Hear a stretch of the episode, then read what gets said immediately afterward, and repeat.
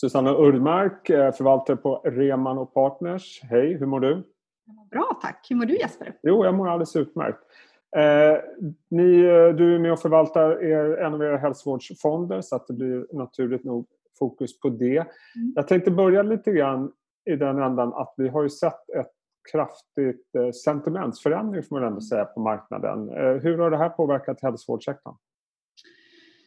Um, Jo, men när, när krisen var ett faktum så började väl alla att titta på vilka sektorer kommer klara sig hyfsat helskinnade ur det här. Och, och, vår sektor har ju en hel del defensiva egenskaper så det var väl naturligt att, att de stora läkemedelsbolagen skulle klara sig bra. Men, men ytterligare en faktor är ju att vi har fått en annan inställning, framförallt bland generalister, till de här bolagen. Eh, och det är ju drivet av att nu på politisk nivå så ser man fördelarna med vad forskningen inom den här industrin kan, kan leverera för typ av värden. Eh, och, och, specifikt nu har det varit kopplat till då, vad är det för läkemedel vi kan behandla våra covid-patienter med och, och, hur snabbt kan vi få fram ett vaccin. Men jag tror också att eh, när man under så lång tid har kritiserat läkemedelspriser och, och, och annat så ser man att det, det finns ett värde och man vill inte man vill inte bråka om läkemedelspriser i det här skedet eh, och sannolikt så kommer det dröja länge innan man eh, kommer in i det och vill prata mer om, om den typen av frågor. Sen är det ju också om man tänker presidentvalet som vi ju nästan inte har ägnat eh, några tankar kring eh, på sistone. Eh, där skedde ju också eh, en ganska tydligt skifte då i samband med att Bernie Sanders hoppade av och han har varit stark förespråkare då för ett, ett eh, offentligt finansierat sjukvårdssystem i USA. Nu är det ju väldigt troligt att det blir Biden eh, och han kommer ju inte att driva det lika hårt. Så det är flera politiska aspekter som ändå har förbättrat eh, ja, och, förutsättningarna för den här sektorn. Och apropå politiken, men det var inte så länge sedan president Trump var ute och hårt kritiserade läkemedelsbolagen om att they're getting away with murder. Mm. Nu är det lite andra tongångar från Vita huset också. Ja. Ja men verkligen. Eh, det här var ju då i samband med förra valet då, 2015 och tittar man på ett eh, biotech index till exempel så har ju det fortfarande inte kommit tillbaka till den nivån där vi var 2015 mm. trots att de här bolagen har genererat fantastiska värden och skapat nya produkter eh, och lanserat nya läkemedel under den här perioden. Så att, eh, vi har ju en eftersläpning i, i värderingarna för de här bolagen eh, som har hållits tillbaka då av den här strama politiska synen på sektorn. Om vi tittar på börsutvecklingen, vi har ju haft en vår där det har varit väldigt mycket fokus på en viss typ av bolag. Vi har sett vaccinbolagen gå väldigt bra. Vi har sett digitala tjänster som Teladoc har gått fantastiskt bra. Medan äldrevård, dentalbolag och så vidare har gått sämre. Mm. Vi har ju även en mer positiv sentiment på börsen. Mm. Tror du ändå att den här rörelsen kommer fortsätta eller kommer vi se lite upptick i de här hälsovårdsaktierna som inte har klarat sig så bra?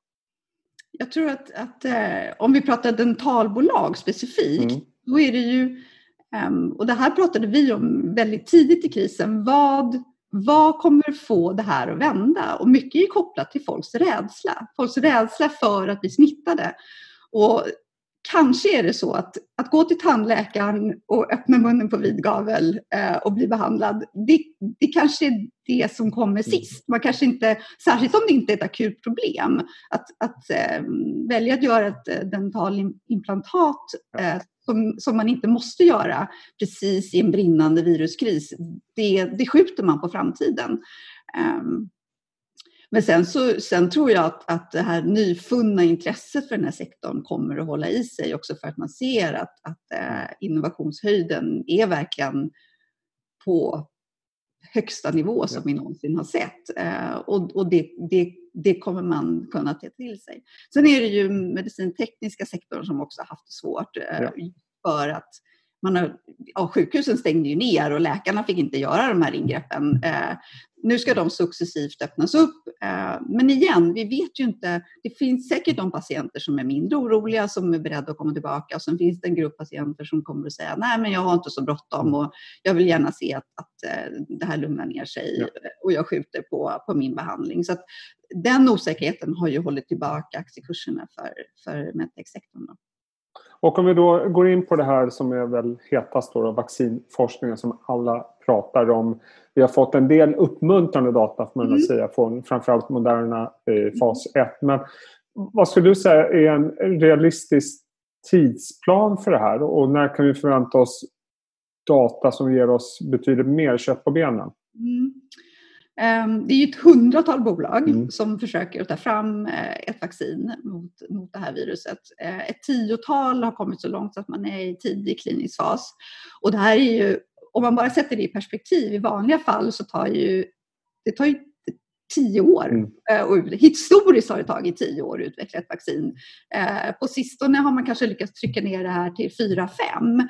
Men att man nu på bara några månader har kommit tagit sig igenom de här första stegen i en sån rasande takt är ju verkligen anmärkningsvärt. Ja. Um, Moderna släppte ju fas 1-data för en dryg vecka sedan. Mm. Uh, och de data man har visat då det är ju kan man bilda antikroppar mot det här vaccinet? Och det kan man. Men den stora frågan är ju vilket skydd skapar de här antikropparna? Och det är ju ett svar som du kan få först när du gör bredare fas 3-studier eh, som är randomiserade och kontrollerade. Och, och, och, det kommer ju ta mycket längre tid. Eh, sen den andra frågan är ju hur länge håller det här skyddet? Ja. Vilket du också vill få svar på i, i de här bredare studierna. Så tanken är nu att de ska starta en fas 3-studie i juli. Eh, och planen är att man någon gång i slutet av det här året eller i början av det här året har ett färdigt vaccin. Men det är ju många, många frågetecken på vägen ändå. Eh, och en sån är ju hur ser smittosituationen ut under sommaren? För att om vi med social distansering och andra åtgärder lyckas trycka ner smittspridningen, då mm. blir det väldigt svårt att få, du måste ju räkna event så att säga, folk som blir smittade. Eh, och det kan ju ta väldigt lång tid då om vi är effektiva. Så man måste förmodligen röra sig till regioner där man har en, en mer aggressiv smittspridning för att snabbare kunna få fram de här datan. Men, men om man blickar framåt en bit då, då och eh, tänker oss att eh, Säg att ett vaccin i bästa fall finns kring årsskiftet. Mm. Eh, fram tills dess så kommer vi kanske få lite andra typer av läkemedel som eh, mm. behandlar covid-19. Vi vet mer om sjukdomen, hur man behandlar covid-19. Mm. mm. Vi kommer få allt fler i samhället som de facto har haft covid-19. Är det för mycket fokus på vaccin? Förstår du vad jag menar? Att det ja, kanske... ja, men, ja, nej, men det, det är väl en relevant fråga. Kommer vi behöva ett vaccin? Mm. Och svaret på det tror jag är ja, det kommer vi göra.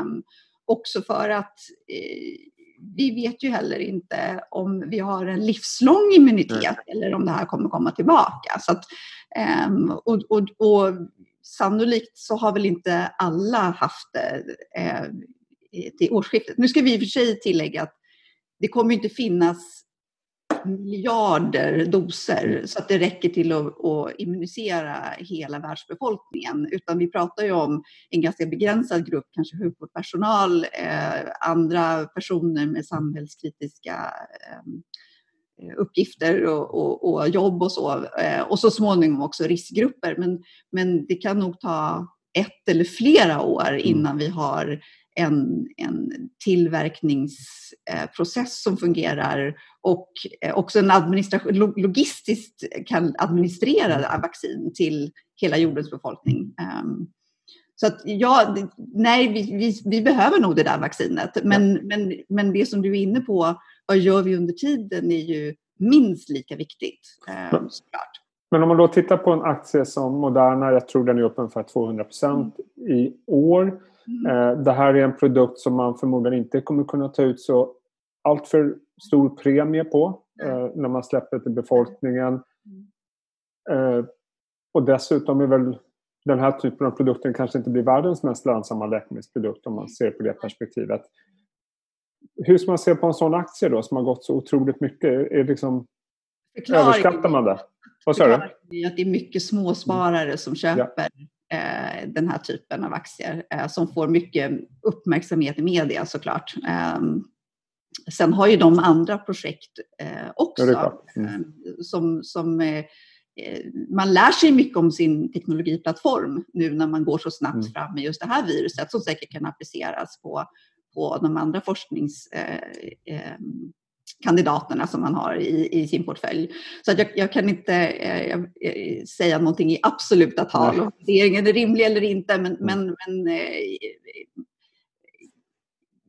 jag tror kanske att, att eh, i just det här fallet så, så har det varit eh, väldigt mycket positivt eh, sentiment från små, småsparare som har velat äga den här och om man tittar på andra läkemedel som är just riktade mot behandling av covid-19-patienter. Vi vet att Gilead har fått eh, Remdesivir eh, godkänt. Eh, som i och för sig tror jag är riktat till en relativt liten patientgrupp, de som är absolut sjukast alltså, än så länge. Va? Den studien som genomfördes gjordes ju i väldigt sjuka patienter. Mm.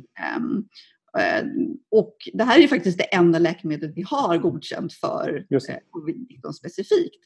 Ehm, nu tittar man ju på en patientgrupp som inte är lika sjuk. För det man visade i, i den här första studien det var ju att man kunde minska antalet sjukhus eh, dags, alltså vistelsen gick ner från 15 mm. till 11 dagar, så det var en minskning med 30 procent.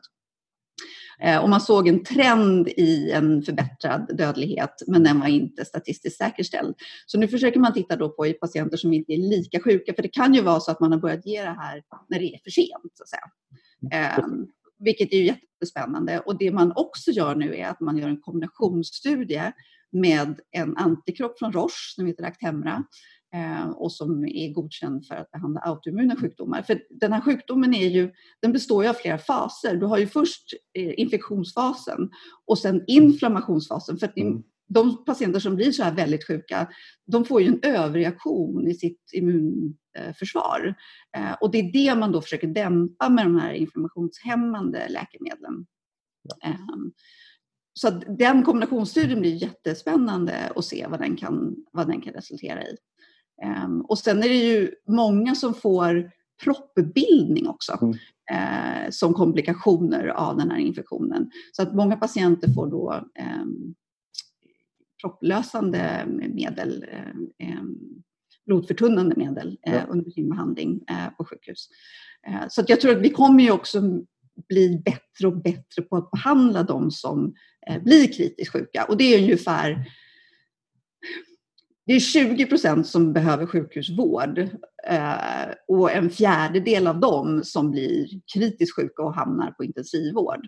Eh, så det är de vi pratar om som vi behöver behandla. Men ytterligare en aspekt, det är ju kan vi få en bättre förståelse för vad vi ska göra för att folk inte ska bli svårt sjuka? Kan vi jobba mer profylaktiskt? Kan vi behandla patienter som kanske misstänks att de har blivit smittade och sätta mm. in en behandling tidigt eh, med ett brett spektrum antiviralt medel till exempel, eller det utskällda malarialäkemedlet klorokin, eh, som det också pågår eh, profylaktiska studier med. Ehm, då kanske vi kan minska så att det inte är 20 procent längre som hamnar på sjukhus utan att den andelen blir okay. mindre. Och det, det, tror du skulle vara realistiskt att uh, få ner en sån siffra de kommande månaderna? Ja. ja, ja. Men där har vi inte sett några, några resultat än, så det, det, det får vi se. Mm. Eh, avslutningsvis eh, Susanna, hur har ni själva valt att eh, positionera er under den här berg och dalbanevården? Ja. um, man byter inte strategi. Nej i en kris. Ehm, utan man, eh, man eh, hoppas ju på att, att ehm, analysen man har gjort innan eh, och de innehav man har i, i bolag som förhoppningsvis har god kvalitet i sin forskning och som är välfinansierade, att, att de, även om de får en rejäl smäll såklart i en sån här kris, mm. att, de återhämtar sig och, och, det är det vi har sett. Och framför allt, och det som kanske överraskat oss mest, är ju styrkan i biotech och framförallt eh, små och medelstora bolag i biotech som har haft en fantastisk återhämtning sedan botten i mars. Men det är framförallt fortfarande st stor exponering mot amerikansk biotech då, där ni har? Ja, vi har ju mm. ungefär två tredjedelar av innehaven i, okay. i USA. Mm. Mm. Ja, det blir väldigt intressant att följa den här utvecklingen. Jag tror att vi får anledning att återkomma om det flera gånger under året. Susanne Urmark, eh, kul att se dig igen och eh, tack för att du var med. Sköt om dig. Tack Jesper, du med. Hej.